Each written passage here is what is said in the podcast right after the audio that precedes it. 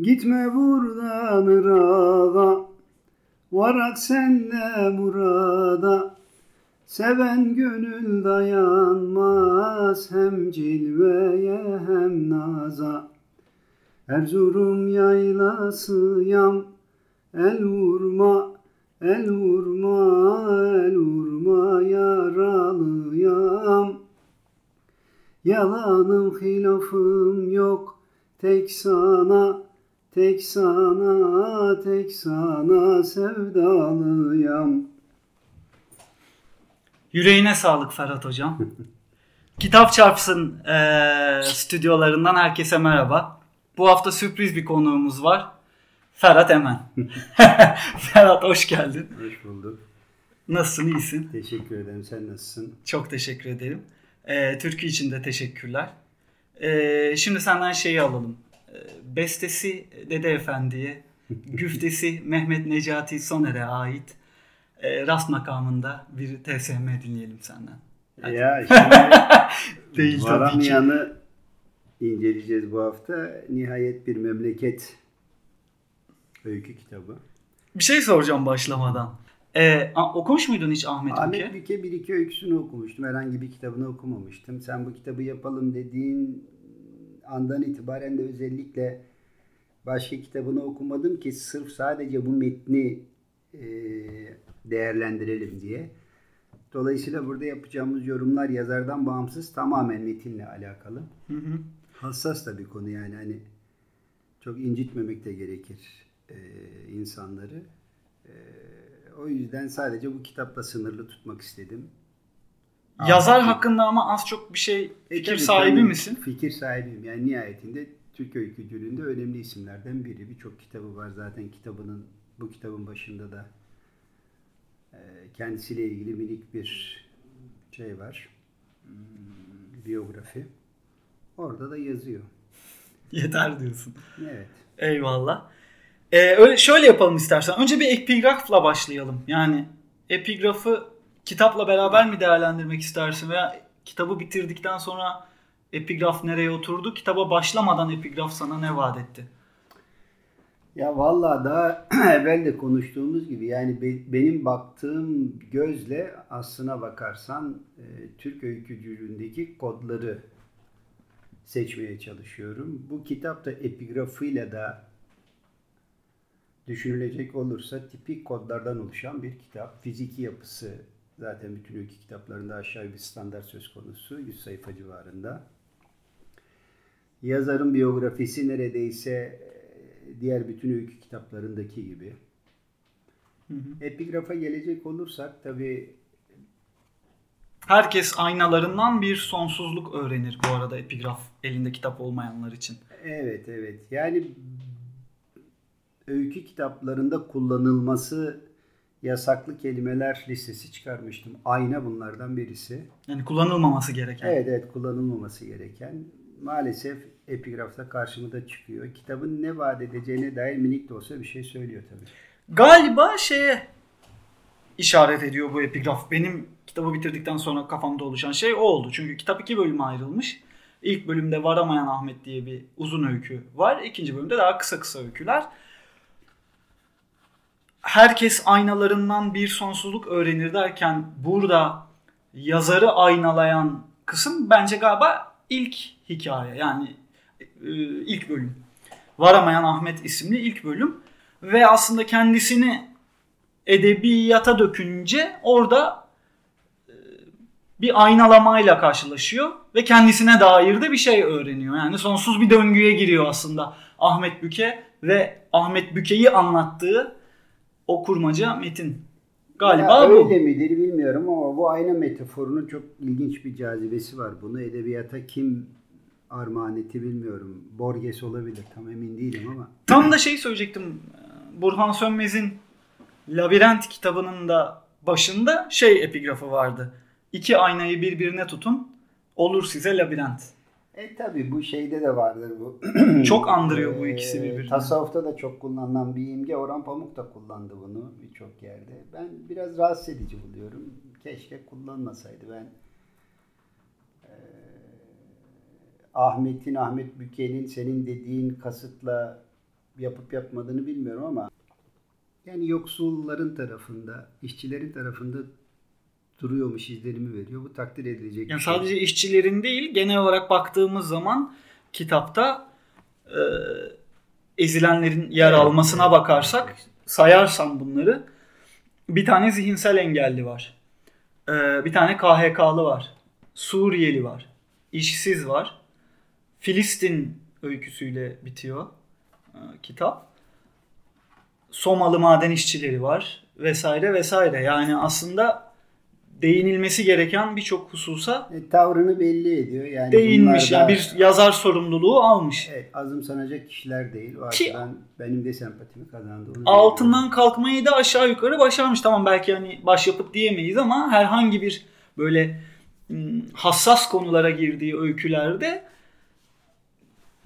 şey gibi yap şey gibi tavır takınmadığını anlıyorsun yani. Hani ben böyle bir konuyu işleyeyim de işlemiş olayım falan adı olsun diye değil gerçekten o konuya dair de bir hakkını verdiğinde teslim etmek lazım bence. Tam o fikirde değilim. İşin içinden çıktığını söyleyemem. Ee, mesela birinci öyküde anlatılan her şey tipik. Hmm. Orada bir köy delisi var yahut da saf diyelim. Hı hı. Deliden bir miktar daha hallice diyelim. Hı hı. Çok tipik bir saf. Anlatılan askerlik manzaraları çok tipik. Hmm. Köy çok tipik. Anne çok tipik. Ee, ilerleyen podcastlerde Anne tipik mi sence? çok tipik. Ya köylü bir kadının namusu üzerinden değerlendiriyor işte. Tam namusu değil aslına bakarsan. Ama namusu üzerinden değerlendiriyor. ha yani laf namusa geliyor ama Evet, bu da bir tür buranın gerçekliğinin bir parçası. E başka da gerçeklikler var ama değil mi? Muhakkak. Yani e, dul bir kadın imgesi yazarın zihninde ilk olarak onun namusuyla meç ediyor. Eşleşiyor. buluşuyor, eşleşiyor. Ve bunun üzerinden anlatıyor. Böyle midir, böyledir ama çok duyduk bunları. Mesela bu kod yani oradaki yani. Anladım. Deli de bir kod, köyde bir kod. Sen, sen askerlik yaptın mı? Yaptım. Ne öğreniyorsun yeni bir şey burada askerlikle ilgili? Yani anlatılan bütün askerlik teferruatları hepsi aynı. Yani kitabın birinci öyküsünün ilk sayfasında daha böyle bize muhafazakarlık adına ne varsa başımızdan boca ediyor. Sigaralar falan.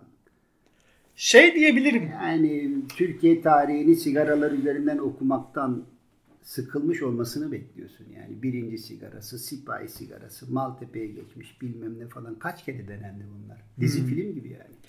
Askerliği anlatacaksan başka bir yerden anlatacaksın. Yahut da belirgin temalar üzerinden anlatmak istiyorsan çok e, etkileyici bir dil tutturman gerekir. Yani ben internetten biraz baktım. Kubrick'in Full Metal Jacket filmi de aklıma geldi. İlk o da askerliği anlatır. Bu öyküde de var, orada da var. Askerlerden birisi intihar ediyor. Full Metal Jacket aşağı yukarı Ahmet'le aynı yaşta çekmiş o film Stanley Kubrick. Hı hı. 1928 doğumluymuş. 87'de vizyona girmiş. İşte 50'li yaşlarında çektiğini varsayalım. Ahmet de 50'li yaşında yazmışsa bu kitabı aşağı yukarı ikisi de aynı e, yaşlarda, aynı olgunlukta insanlar ise birisinin askerliği tanımlamasına bak orada işte kilolu bir tane askerin kendisini tüfekle vurmasıyla biter birinci bölüm.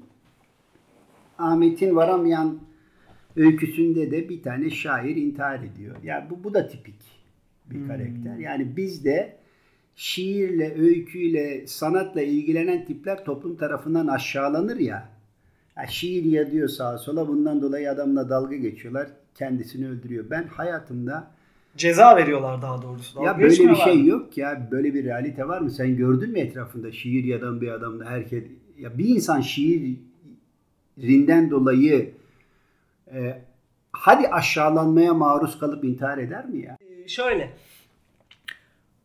Kubrick'in yaşadığı o askerlik deneyimi ve o zamanki o askerlik tartışmalarının hararetiyle Ahmet Büke'nin kendi kafasında yürüttüğü askerlik tartışmasının aynı yerde olmadığı, olamayacağını düşünmek lazım. Ahmet Büke bir Türk. Hatta bunu söylemekte çok bir beis görmüyorum. Böyle ulusalcı temayülleri de olan, tamam sosyalist bir insan ama hafif ulusalcı temayülleri de olan bir Türk. Ee, askeriyeyi ne kadar problematize edebilir? Zaten bence öyküde bunun sancıları çok var. Yani askeriye iyi bir yer mi kötü bir yer mi belli değil. Böyle bir şaire bir zulüm var falan ama bir yandan da inanılmaz babacan askerlerle karşılaşıyoruz. İşte cebine para koyuyorlar karakteri. Öyledir işte muhtemelen öyle insanlar diye. vardır. Var yani tabii ki ya ak ya kara olacak diye bir şey yok ama yazar bence biraz tutuklaşmış. Yani böyle patolojik bir şey vermek istemiş ama tam da verememiş. Onu vermeyince de doğal olarak mecburen klişelere saplanıyorsun. Benim kanaatim şu. Bence üzerinde incelikli düşünmemiş. Hı. Mesele bu yani. Yani bir askerlik öyküsü anlatayım dersen aklına nöbet gelir. Ya bir kere kitap boyunca yüzlerce kere sigara var ya. Sigara sigara bir dal sigara sigara daldı. Yani düşünürsen dersin ki ya ben çok anlatıldığı için söylüyorum yani askerler sigara içer nöbette şakalaşırlar bilmem ne. İşte üzerinde kük onu anlatmaya çalışıyorum. Ya klişelerden bağımsız bir aksiyon bir karkas oluşturacaksın. Yahut da tamam klişeler askerlik dediğin zaten budur deyip farklı bir anlatım tekniğiyle başka bir şey anlatmaya çalışacaksın. Ahmet'in yaptığı şey bizim askerlikle ilgili bildiğimiz, herkesin de bildiği şeyleri tekrardan aynı tonda anlatmak. Problem orada. Galiba sorun birazcık da şurada teknik bir sorun var.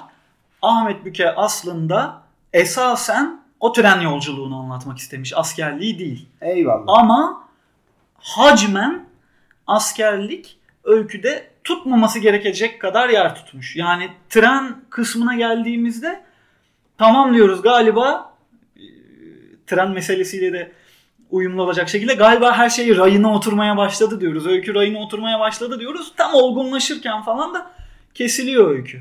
Yani ya çok kısa olmalıymış bu öykü ve askerlik kısmı epey kısa olmamış. Belki de terhis sahnesiyle başlatmamız gerekiyormuş aslında. Ya orada yazarın tercihine saygı duymak gerekir ama be- ben şunu söylemeye çalışıyorum. Mesela anne çocuğunu askere teslim ederken e, düpedüz özürlü bir çocuk. Askere gitmesi de gerekmez ama şöyle bir nedenden hareketle çocuğunu askere teslim eder. İşte askerliğini yapmayana kız vermezler. Ya bu o kadar bilinen bir şey ki. Çok kısa bir virgül koymak istiyorum. Sana şey enteresan gelmiyor mu? Bu öyküden yola çıkarak biraz onu konuşalım. Bu kadar militarize bir toplum, bu kadar askerlik tarafından travmatize edilmiş bir toplum. Sürüne sürüne erkek olmak, Pınar Selek'in söylediği gibi erkeklik konusunda askeriye ile bu kadar e, problemler yaşayan bir toplumdan ya doğru düzgün bir tane askerlik yapıtı çıkmaması Ahmet Büke'den bağımsız olarak enteresan değil mi? Enteresan çok enteresan. Aynı fikirdeyim. Çıkmıyor ya. Ben bir tane de askerlik öyküsü okumadım ki askeriye gerçeğini vermiş olsun. Askeriye ne kadar tuhaf bir yer, ne kadar bambaşka bir yer. Gerçekten laboratuvara Bravo, koyulmuş gibi. Bambaşka bir yer. Onu anla- ben de aynı fikirdeyim. Yani Ahmet Büke'nin anlattığı askeriye çok e, genel geçer kabullerden anlatılın. İşte anlatılır. sorun Ahmet Büke'de değil galiba. Değil, sorun değil, değil. galiba Bravo. askeriye Aslında toplum böyle değil. Yani toplumun bildiğimiz işte Türkiye toplumunun pratik yaşantısına baktığımız zaman askeriye, askeriye ile kurmuş olduğu ilişki çok pragmatist bir ilişki. Hmm. Fırsatını bulsa kaçacak. Tarihte de böyleydi okuduğumuz kadarıyla Cumhuriyet dönemi için kastediyorum ama öyle anlatılmıyor tabii yani. Ahmet'ten de öyle bir şövalyelik beklemek doğru. anladım. olmayabilir. Askerlik kısmına geçelim. Evet. Ee, iki sekanstan oluşuyor öykü. Askerlik ve tren yolculuğu. Tren yolculuğu kısmına gelirsen tren yolculuğunu nasıl yorumladın? Finalini güzel buldum öykünün. Yani Hı hı. varamayan mevzusunu güzel işlemiş. Ee, Hı hı. beğendim. Yani finalinin hatırına okunacak bir öykü. Onun Hı hı. haricinde çok da etkileyici bir öykü değil yani. Hmm. Bir, hiçbir yeni şey söylemiyor. Hiçbir mevcut şeyi de yeni bir ifadeyle söylemiyor. Benim baktığım çerçeve bu. Bana öykü şey verdi. Sanki bir senaryo çalışmasıymış gibi. Yani bence bu öykü öykü olmasa da filme çekilse çok güzel olabilirmiş gibi geldi. Evet, Katılıyor musun de- bilmiyorum. Yo, aynısını düşündüm. Evet. Benim içerik analizime bakarsan ben şu açıdan beğendim. Ahmet Büke'yi anlattığını varsayıyoruz. Ahmet Büke'nin kendisini bir yarım akıllı olarak kurguladığını varsayıyoruz. Ben o güçlü köy kadınını devlet ana metaforu olarak alıyorum açıkçası. Olabilir. Olabilir. Bence o Anadolu'yu da öyle anlatmış sanki. Doğru. Bence o bayağı bildiğimiz özellikle Türklerde olan yani Türkiye vatandaşı Türk manasına söylüyorum. Etnik olarak bu ülkenin Türklerinde var olan o devlet ana kabulü burada de, e, Ahmet Büke'nin annesi, Ahmet Büke'nin demeyeyim, varamayan Ahmet'in annesi olarak kişileşmiş. Ve ben Ahmet Büke'nin varamayan Ahmet'in diyelim tekrar ama ikisi de aynı şey. Yolculuğunu bu devlet anadan ödipal zincirlerden bu devlet anayla kurduğu diyeyim daha doğrusu bir kurtulma çabasının alegorisi olarak okudum o tren yolculuğunu. Neden? Şimdi güçlü bir anne karakteri var. Bu da yarım akıllı. Anneye bağımlı. Annesiz bir dünyası yok. Bunu anne dışarı atıyor. Anne hatırla leylekle özdeşleştiriliyor bir sahnede. Evin tepesine leylekler yuva yapmış. Yılan yanaşmaya çalışıyor. Leylek o yılanı yiyor veya öldürüyor falan. Diyor ki anne de ben de bu leylek gibiyim işte vesaire. Leylek olan anne varamayan Ahmet'i yuvadan atmış. Aslında onu askeriyeye teslim etme hikayesi biraz bu. Git ve erkek ol. Benden kurtul. Ama anneye bağımlı olan çocuk geri dönmek istiyor. Yeniden o o ödipal açmazı kaldıramıyor. Yani ana kucağına geri dönmek istiyor. Oral dönemde takılı kaldığını söyleyebiliriz aslında. Annenin memesine sığınmak istiyor aslına bakarsan. O besleyici ve devlet anayla beraber oku bunu. O devlete sığınmak istiyor. Birey olamıyor yani. Devletin bir parçası yeniden onunla bütünleşmek istiyor. Ve bu anlamda fallik bir simge olarak trene binmesi de bence anlamlı. Yani bayağı anneye doğru giden fallik bir nesne var. Biniyor. Gidebilse gidecek. Ama gidemiyor. Yarım akıllılığı dolayısıyla. Orada belirli portrelerle karşılaşıyor. Orada biraz belki biraz memleketimden insan manzaralarına da selam çakılıyor olabilir.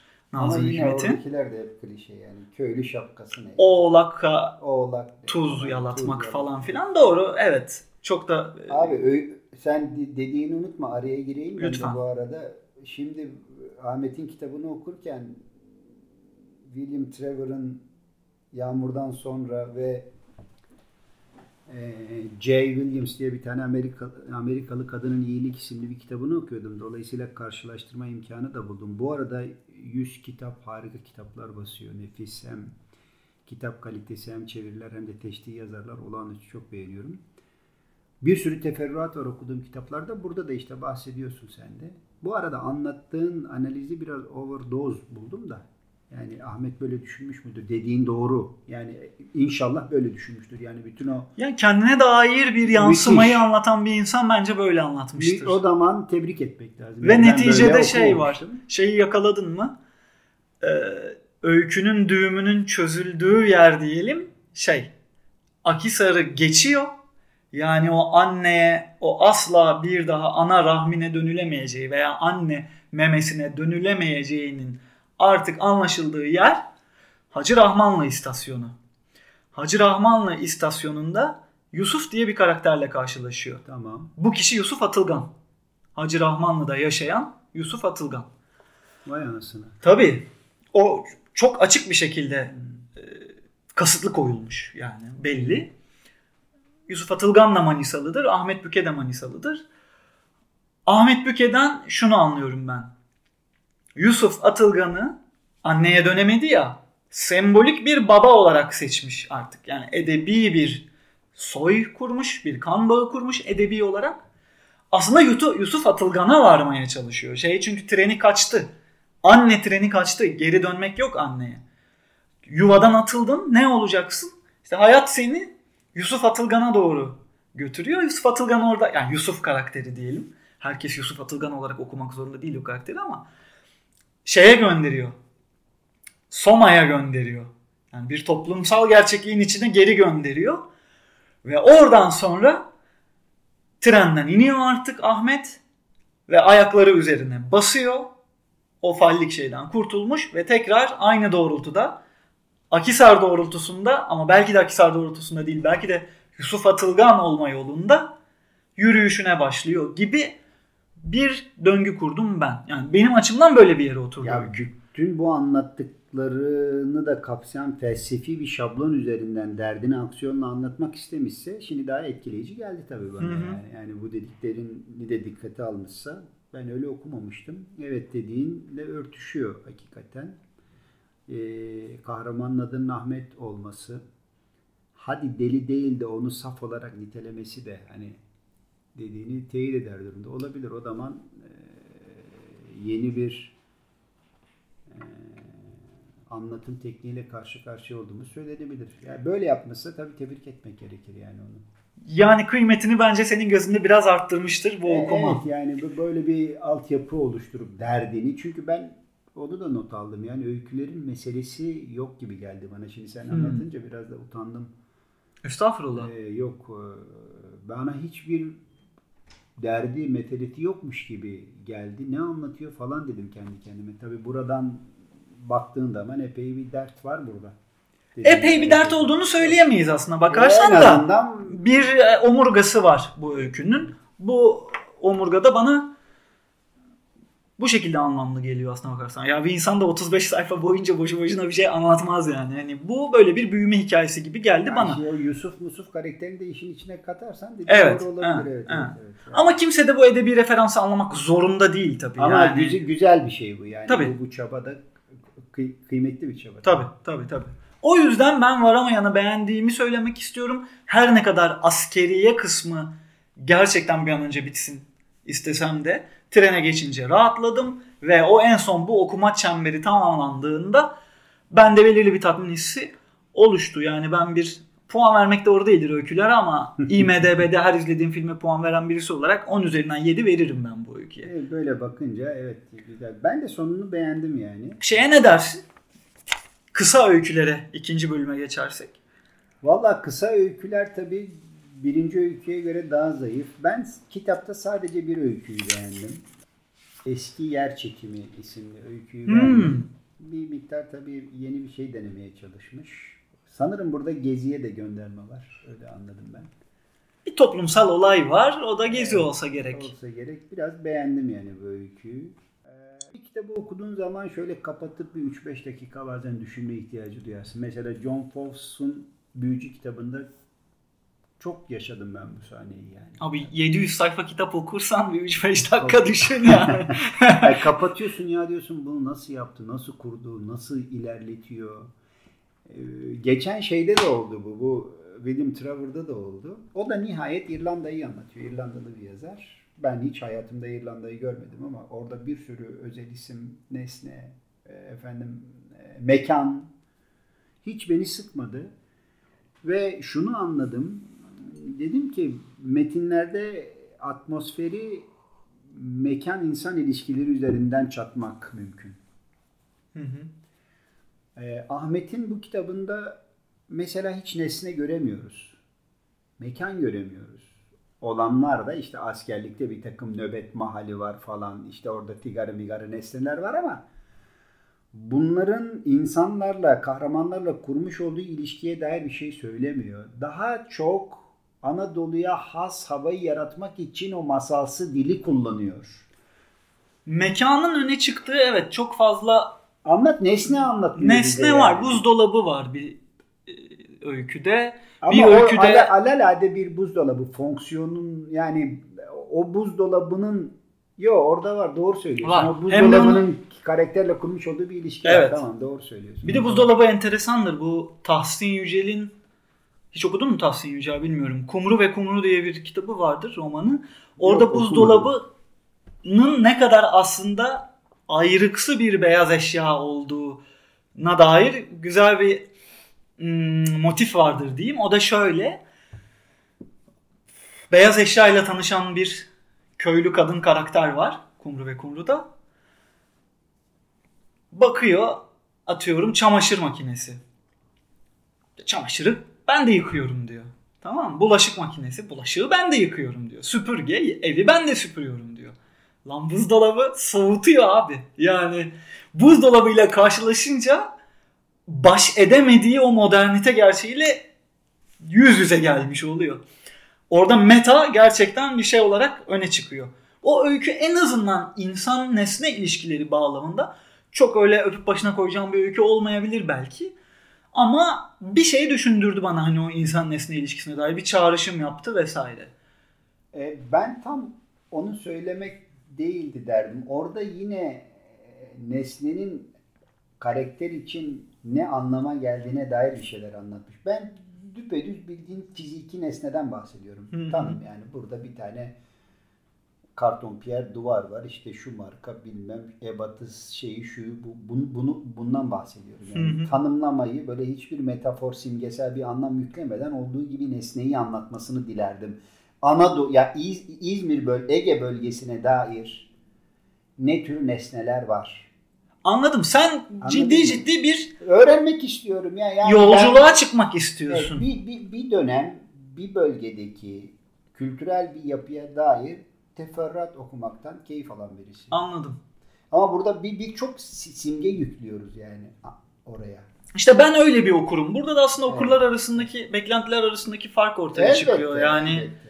Dizilerde de buna çok dikkat ediyorum ben. Metinlerde de dikkat enteresan. ediyorum. Seninle güzel çatışacağız bu konularda. Yani beklentiler konusunda. Bu Mesela hoşuma gitti. burada anne oğul ilişkisi çok tipik bir ilişki yani. İlk öyküdeki anne oğul ilişkisi. Hı hı.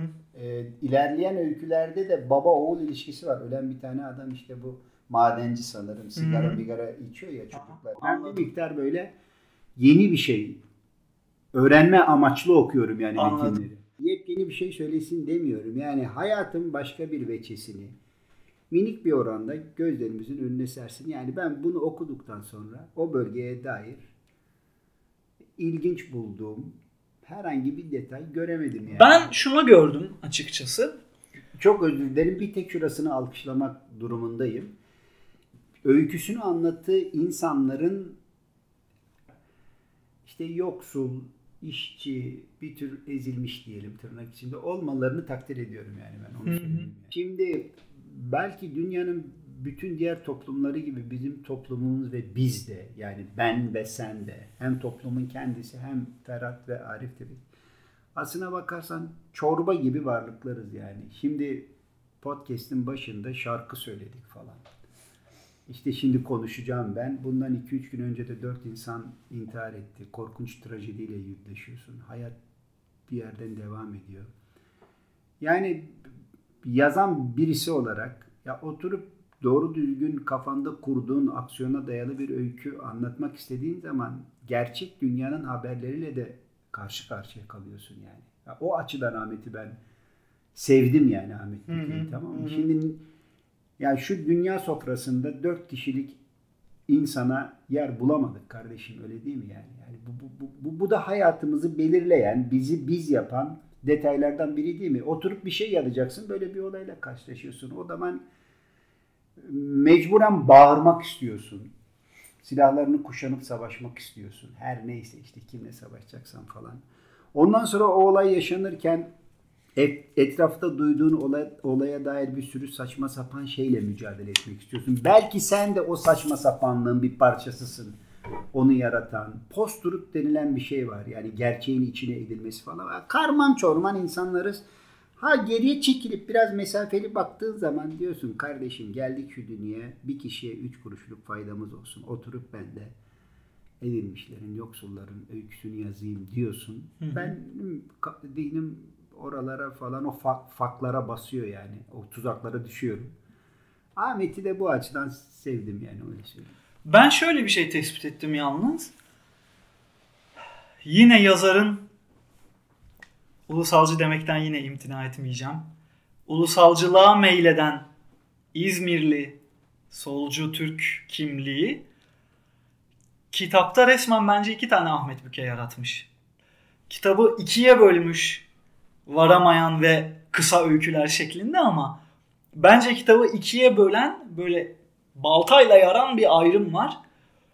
Bir bu bahsettiğimiz sosyal gerçekçilik yani toplumda ezilenlerin safından ele alan. Buna da çok 2000'lerin öyküsünde 90'ların ve 2000'lerin öyküsünde alışkınızdır. ezilenlerin öykülerini böyle birazcık da güler yüzlü. Böyle sokağın tatlı diliyle anlatan. Mesela o KHK'lı öyküsü. Eline sarı zarf tutuşturuluyor ama orada bir küçük tatlı da bir aşka adım atılıyor falan. Veya işte o nefes öyküsü. Veya buzdolabı öyküsü. Ya orada bir yalnızlıktan intihar eden bir insan var ama tatlı da bir şeyler oluyor. Veya kitabın sonundaki Leyla Halide selam çakan onu bir kedinin sıcaklığıyla özdeşleştiren öykü falan. Bir böyle bir güler yüzlü gerçekçilik diyeceğim. Türkiye'nin 90 sonrası öykücülüğünün belirli bir kısmına has bir o tavır var. Bir o bölüm var diyeyim kitapta. Bu üslup dağınık ama. Bir o Ahmet Büke oturmuş yazmış. Yani tırnak içinde bir solcu Ahmet Büke oturmuş öykü yazmış.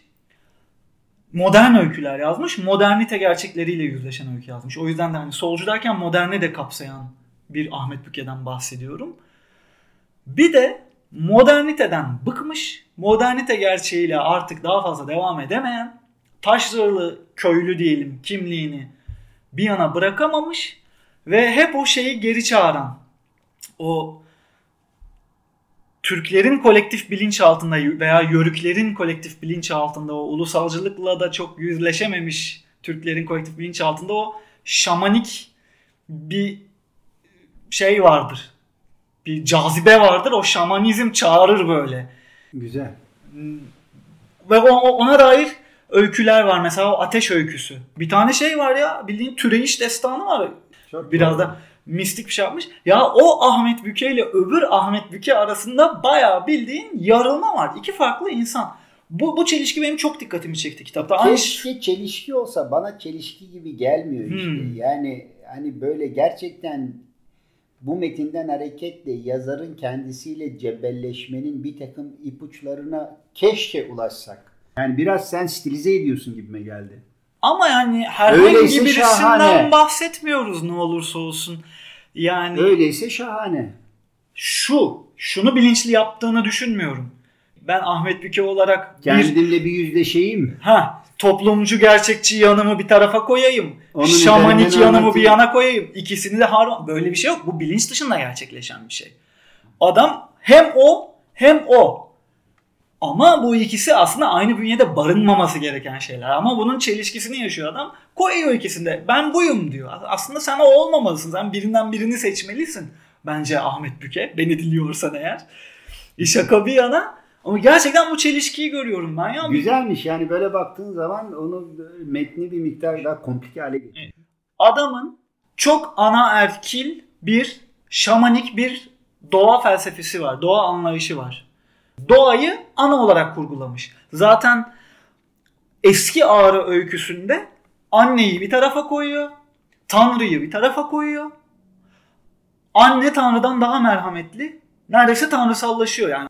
Tanrı ve anne ikisi de yağlı ekmek uzatıyor merhamet göstermesi gereken canlılara. Orada bir mukayeseye sokuyor o öyküde anneyi ve Tanrı'yı. Neyse ben böyle okuyorum. okuyorum. Belki de hataya düşüyorum. Şimdi okuyorum. adamın şamanik algısını böyle anaerkil bir yerden kurarsan ve ateşe ne diyelim öyküsüne dönersen. Burada çocuğunu kaybeden bir tip yok mu sanki? Hangisinde? Bu ateşe ne diyelim de. Var. Meryemlerden birisi çocuğunu var. kaybediyor. Var yani doğru. Öbürü arıyorlar falan buluyor. Evet. Bir ve kaza var gibi. Bir bilmiyoruz. gibi öyle anlıyoruz. Bilmiyoruz yani. ama kurdun da mesela dikkat et. Kurt da bir anne. Çocukları ölü doğmuş. Ee, üç çocuğundan ikisi çocuk da demeyeyim yavru. Üç yavrusundan ikisi ölü doğmuş falan. Mesela ben oradan şunu çıkarıyorum. Bu hayatın, bu doğanın acımasızlığını doğallaştıran, naturalize eden ve ateşe ne diyelim sorusunu da bu yüzden soran. Yani doğanın bir parçası olarak yıkıcı olan ateş ki kurt da böyle bir şeydir. Vahşidir. Korkarız vesaire. Ona da mı Meryem diyelim? Çünkü öykü boyunca kişileşmiş herkese Meryem diyoruz. Ateşe de mi Meryem diyelim? Onun da mı şiddetini doğallaştıralım? Yoksa ona Meryem dışı, insanın dışında, doğanın dışında bir yere mi koyalım mı? Sana tartıştırıyor o öykü. Yani ben böyle algılamak istiyorum açıkçası. E, oturup BBC belgeseli izlerim abi Serengeti ilgili. Yani orada Olabilir, haklı olabilirsin. Ama Serengeti belgeselinde 21. yüzyıldaki seküler Türklerin şamanizme geri dönme temayüllerine dair bir şey bulamayabilirsin. Ben bunu buluyorum işte. Eyvallah. Bu gözle bir daha okuyayım. Yani bütün bu referansları falan dikkate mi alacağız bilemedim şimdi. Ola da bilir yani. Ben mesela bu bahsettiğin konulara dair muktesebatım bayağı zayıfmış. Onu Şöyle anladım. abi sen birazcık Hiçbir da şey bilmiyorum yani bunlarla ilgili. bu dünyaya biraz uzaksın. Yani Evet. Ben Ahmet Büke'nin dünyasına yakınım bir Türk olarak Hmm. ve belki de bu yollardan geçmişte bir insan olarak. Burada bitirebiliriz istiyorsan şey varamayan sohbetini. Evet. İkinci bölüme geçebilir miyim? Geçelim. Müsaadenle. İkinci bölüm şu. Bir takipçi arkadaş 3 tane soru sormuş. Ama kendisini esefle kınıyorum. Bana sormamış, sana sormuş. Benim yanıtlayamayacağımı düşünmüş olsa gerek. Eyvallah. O soruları sana aktaracağım Tamam. ve yanıtlarını bekleyeceğim. 3 tane soru. Diyor ki biz diyor bu toplumda geç olgunlaşıyoruz. 30'umuzda falan olgunlaşıyoruz. Evet. Emin değilim bilmiyorum. Ağır ama ağırlıklı olarak gençken okuyoruz. Özellikle öğrenciyken. Sonra iş, güç, aile, evlilik derken e, okuma tempomuz öğrenciliğe kıyasla epey düşüyor eğer muhteşem bir işimiz yoksa yani babamız çok zengin değilse falan filan. Neyse ki Konda'nın e, şu TÜYAP'ta açıkladığı raporda da Teyit aynı mevzu var. Mi? Hı. En çok en çok öğrenciler ve işsizler okuyor abi. Yani Vay. Hele ki evliler okumuyor. Evliler bitmiş. Evlenince insan okumuyor.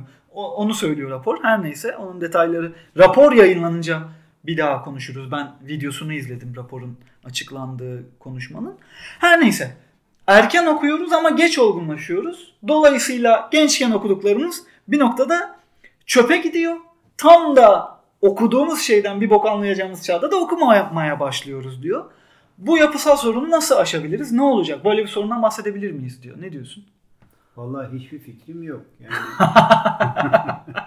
ya bana sormamanın e, bedeli bu işte. Ben bilemiyorum. olsam konuşurdum. Biraz üzerinde okumalar yapıp böyle cevaplamak Eyvallah. istedim. Hemen Yok. ikinci soruya geçeyim mi Evet. o zaman? Şöyle diyor. Yaptığımız okumalarda aslında kendimizi doğrulayan okumalar yapıyoruz diyor. Tamam. Yani ben bir solcu yazarım işte Ahmet Büke'yi okuyorum abi. Başka solcu yazar. Sol yayın evlerini takip ediyorum. Gidip Ötüken Neşriyat okumuyorum. Dergah yayınları belki Tanpınar okuyorum ama dergahtan ne çıkmış bakalım bu ay diye hayatta takip etmiyorum falan. Doğal olarak kendimizi tekrar ediyoruz. Ve güvenmiyoruz. Güvenmediğimiz şeyi merak etmiyoruz. Yani bazen merak ediyoruz. O da çok eleştirel bir gözle merak ediyoruz. Hani İslamcı camiada ne oluyor diye belki bir kitap okursun ama oradan beslenmiyoruz. E o zaman diyor tehlikeli sulara girmiyoruz. O konfor alanımızdan çıkmıyoruz. Çünkü hep kendimizi doğruluyoruz. E o zaman diyor edebiyatın ana faydası olan o senin bahsettiğin şey va- vardı ya insana dair yeni bir katmanı öğrenmek. E kendimizi Katmanın bir bölümünün küçük bir parçası diyelim. e kendimizi doğrulayan şeyi okuyarak Öğrenemeyiz. Çok doğru bir şey. Ben mesela özellikle bundan kaçınıyorum. Yani bu tabii şeyle alakalı. Daha çok bizim okuma pratiğimiz e, görücü usulü diyelim yani. Birisi sana bir kitap öneriyor. Sen ona bakıyorsun. Eğer çevrende böyle bir arkadaş grubun varsa onların önerdiği e, eserlerden hareketle ve nihayet belirli bir süre sonra artık zaman da çok e, kıymetli olduğu için ben şu noktaya geldim. Etrafımda metin kalitesinden anlayan bir arkadaş grubu olduğundan söz edebilirim. O açıdan çok şanslıyım. İşte onların önerdikleri kendi e, sevdiğim nihayet yazarlarım falan oluştu böyle bir kafamda kütüphane diyelim. Artık eskisi gibi bulduğum her kitabı okumuyorum. Hatta çok sevdiğim kitapları tekrar ve tekrar okuma noktasına geldim. Yani sevdiğim yazarları neredeyse 3-5 kere Hmm. okumuşumdur. Ama tabii burada şey yapmıyorum. Onun e, içinde bulunduğu e, ne diyelim ideolojik kampa çok dikkat etmiyorum yani ben. Hani bu noktada şey diye ek bir soru var. Peki seninle aynı ideolojik kamptan kitap okuyor isem tali bir faydası var mıdır diyor. Yani seni İşte doğruluyor. Orada onu anlatmaya çalışıyor. Ya ben öyle yapıyorum. Yani adamın yazarın daha doğrusu bana verdiği şeylerle ilgileniyorum ben. Yani diyelim ki mesela ben sağ zihin yapısından nefret eden birisiyim Hı hı. yani. Ama eee, önünde hayranlıkla eğileceğim birkaç tane sağ zihine sahip yazar biliyorum. İsim vermeyeyim Hı hı. yani. Anlatabiliyor muyum? O bir, artık bir teçhicilik oluşuyor yani. Ama öyle kendi kampımdan artık neyse o kendi kampın e, insanlar, yazarlar biliyorum ki 5 dakika zaman ayırmam. Hatta şunu söyleyeyim yani ben. Yani kendim de göya öykücüyüm ama ben Türk Edebiyatı'nda öykü yazan hiçbir insanın insana dair e, anlatımlarını beğenmiyorum yani. Hmm. Anlatabiliyor muyum? Yani illa bir kamptaysam diyelim.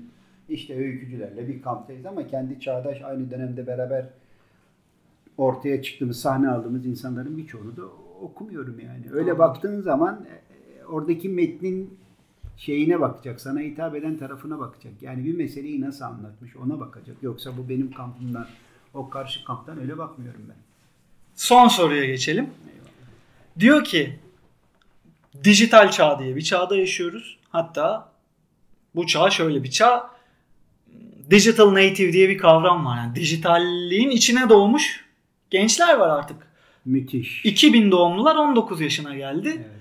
Bu insanlar internetle doğdu ya. Yani baba, babasının kucağında, annesinin kucağında bir yaşında bilgisayara tuşluyordu bu çocuklar ve büyüdüler. Neredeyse edebiyat üretecek çağa geldiler. İletişimin kodları bu yüzden değişti. Buna sen de değiniyordun. Twitter'da Benim- bir şey yazmak en- öyküdür en, falan. En ilgi duyduğum konu bu. Peki diyor ki edebiyatın kodla özür dilerim. İletişimin kodları değişmişken edebiyat da değişecektir muhakkak.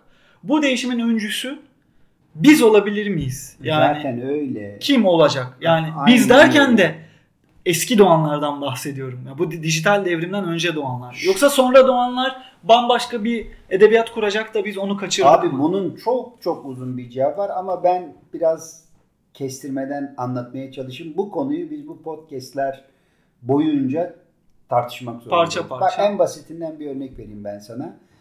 Şimdi 1600'lü yıllarda Avrupa böyle bir kıpırdıyor değil mi? Endüstri devrimine gebeydi falan. Orada işte kömürün icadı, buharın bilmem neyin o buharın eee, bütün o makineyi dönüştürmesi. Orada tekstil endüstrisi var. Adam 10 tane işçi bir ayda bir metrekare şal döşüyorken buhar makinesiyle bir tane makina 500 tane işçinin yaptığı üretimi bir saatte yapıyordu falan. Hı hı. Ne oldu? İşte Manchester gibi, Liverpool gibi e, kentlere İngiltere'nin bütün nüfusu akmaya başladı değil mi? Yepyeni bir dünyayla karşı karşıya kaldın. Yani bütün ilişkilerin değiştiği. Yani sen o kadar insanı 3-5 bin kişilik kasabadan büyük bir kente 250 bin tane insan yağarsan oradaki sorunlarla başa çıkma 100-200 yani orada bir dünya dönüşü verdi ve video treni kaçırdık. Aynen bunun gibi detaylarını anlatırız daha sonra. Nasıl kaçırdık, niye kaçırdık falan ama bir analoji olsun diye söylüyorum. Bak aynı dönüşümün çok daha hızlısı şu anda içinde bulduğumuz dönemde yaşanıyor. Artık bir network var abi. Ya bu network'ün içindesindir ya da bu network'ün dışındasındır ve endüstri dönemindeki gibi bu alana girip çıkmak kişiye e, kişinin tercihine bağlı bir şey. Yani eskiden işte seni bir işveren işe alıyordu falan giriyordun işçi oluyordun bilmem ne oluyordun yani senden bağımsız bir takım değişkenler de söz konusuydu ama günümüzde o network'e dahil olmak bir kişinin vereceği ve yapabileceği ve kendi öz hayatına sığdırabileceği bir eylem doğru mu? Biz hala Türk Edebiyatı'nda bunun farkına varamadık. Yani konvansiyonel tarzlarla öykü ve roman yazmayı hala bir halt zannediyoruz. Bu devir geçti bunu kaçırıyoruz. İnanılmaz. Yakalayabilecek olan kim sence? ya, bi- bizim kuşak diyelim ama ben zannetmiyorum. Öyle parlak zihinler ilk podcast'te de bunu konuşmuştuk zaten. Öyle parlak zihinleri sen bu alana çekemiyorsun yani. Anladım. Yani kimse Ahmet Büke'nin burada yazdığı tam içerikle ilgilenmiyor yani. Tamam bunun bir okuyucu kitlesi var. 1000-2000 tane satıyor. Eski böyle okuma keyfi olan insanlar. Bunların da profilinden bahsedelim. Ama 15 yaşındaki bir tane çocuk burada o işte gök börü bilmem ne falan kurtlar şunlar masal bununla ilgilenmiyor. Böyle bu anla bambaşka bir imkan var ve orada inan bak asıl mesele de şu abi. rekabet orada o kadar had safhada ki iyi bir şey çıkarmak için bayağı düşünüp taşınman gerekir ama burada işte bu geleneksel edebiyatta rekabet yok abi. Hı hı.